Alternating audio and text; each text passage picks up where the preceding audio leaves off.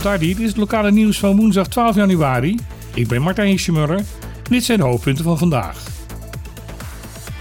Het aantal nieuwe COVID-19-besmettingen op Bonaire blijft hoog. Gisteren bleek dat 96 van de 156 afgenomen testen positief te zijn. Dat is nog steeds een testratio van ruim 60%. Omdat er gisteren ook heel veel mensen hersteld zijn verklaard van hun COVID-19-besmetting, daalde het totaal aantal actieve gevallen op Bonaire met 37 naar 787. Opnieuw bleek dat er bij de nieuwe gevallen een groot aantal bezoekers van het eiland bevonden, namelijk 25. Er lagen gisteren vier mensen met coronaklachten in het ziekenhuis. Dat is eentje meer dan de dag daarvoor.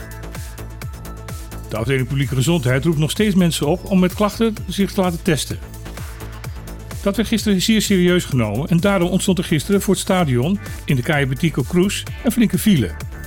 Moest agent aan te pas komen om het verkeer enigszins te kunnen regelen. Ook op Saba en Sint-Eustatius blijkt het aantal nieuwe gevallen per dag hoog te blijven.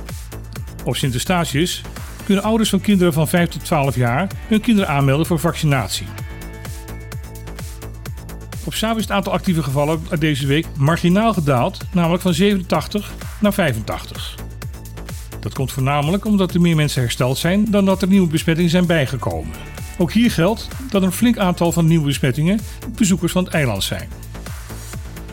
Statia telt op dit moment bijna 150 actieve gevallen van COVID-19. Er is op dit moment één persoon met corona opgenomen in het kleine ziekenhuisje van Statia, een ander ligt op Sint Maarten.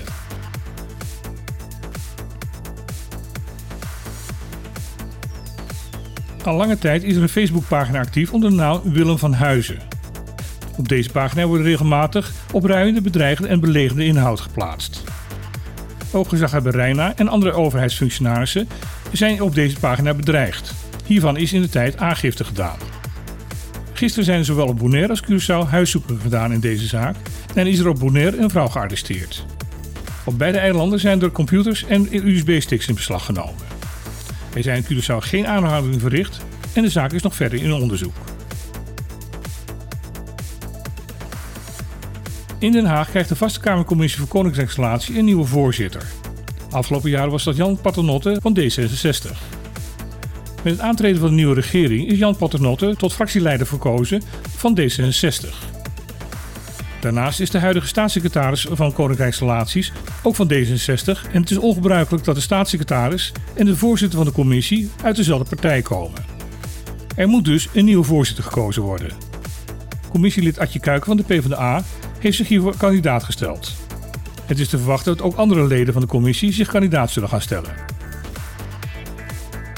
Ook een ander lid van de commissie, Aukje de Vries, is uit de commissie vertrokken omdat zij bewindsvrouw geworden is in het kabinet Rutte 4. Het woordvoerderschap van de VVD wordt nu overgenomen door Rolien Kamminga. Kamminga is zeer bekend met het dossier Koninkrijksrelaties. Ze heeft op de Binnenlandse Zaken gewerkt en was namens het ministerie plaatsvervangend directeur-generaal bij de wederopbouw van Sint Maarten. Zij omschrijft zichzelf als een nuchtere Groningse. Ondertussen is het geplande debat van de Kamercommissie van 19 januari uitgesteld. Dit is om de nieuwe staatssecretaris van Huffelen de tijd te geven om zich op het dossier in te werken. De vergadering zal nu opgeschoven worden naar halverwege februari. Het blijft rommelen bij de regering van de verschillende Caribische landen als het gaat over de voorwaarden die door Nederland zijn gesteld aan de coronaleningen. Een van die voorwaarden is, is dat de salaris van het overheidspersoneel met 12,5% gekort gaat worden. Volgens de minister van Financiën van Aruba, Xiomara Maduro, is dat veel te veel. En zij wil dit tot de helft terugbrengen. Dat gaat extra geld kosten en daarom is er een verzoek ingediend bij de Koninkrijksregering. Op dat verzoek is nog niet geantwoord. Daarnaast heeft de regering op de begroting van 2022 een tekort staan van 291 miljoen florin. Volgens de regering is dit extra bedrag nodig voor de financiering van een aantal grote projecten, zoals de realisering van het Family Justice Center, de uitbreiding en de renovatie van het ziekenhuis en de uitbreiding van de rioolzuiveringinstallaties. Daarnaast is de regering veel geld kwijt aan de rente van de nu uitstaande leningen. Deze leningen bestaan voor 346 miljoen aan internationale leningen, voor 110 miljoen aan lokale leningen en voor 904 miljoen aan coronaleningen uit Nederland.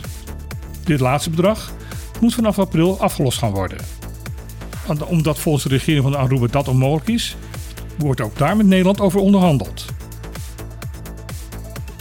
En tot slot dan nog het weer. Het heeft vannacht stevig geregend, maar het ziet ernaar uit dat het de rest van de dag droog zal blijven. Ook vanmorgen ziet het ernaar uit dat er weinig bewolking zal zijn en dat de kans op een bui niet zo groot zal zijn. Dit was het lokale nieuws van vandaag. Ik wens u nog een hele fijne dag en graag tot morgen.